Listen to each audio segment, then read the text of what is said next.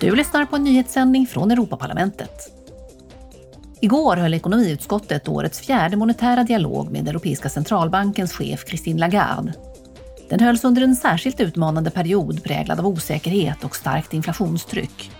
Centralbanken har fortsatt på sin penningpolitiska åtstramningsbana och höjt styrräntorna ytterligare med 75 punkter. Imorgon håller utskottet för regional utveckling en debatt med Vitalij Klytschko, Kievs borgmästare. På dagordningen står situationen i den ukrainska huvudstaden. Energikommissionär Kadri Simson kommer att informera utskottet för industrifrågor, forskning och energi om den senaste utvecklingen i samband med energikrisen i unionen.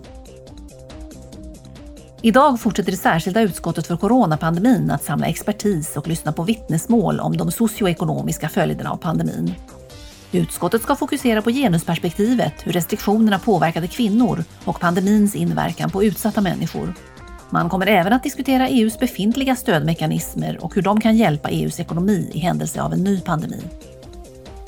Du har lyssnat på en nyhetssändning från Europaparlamentet.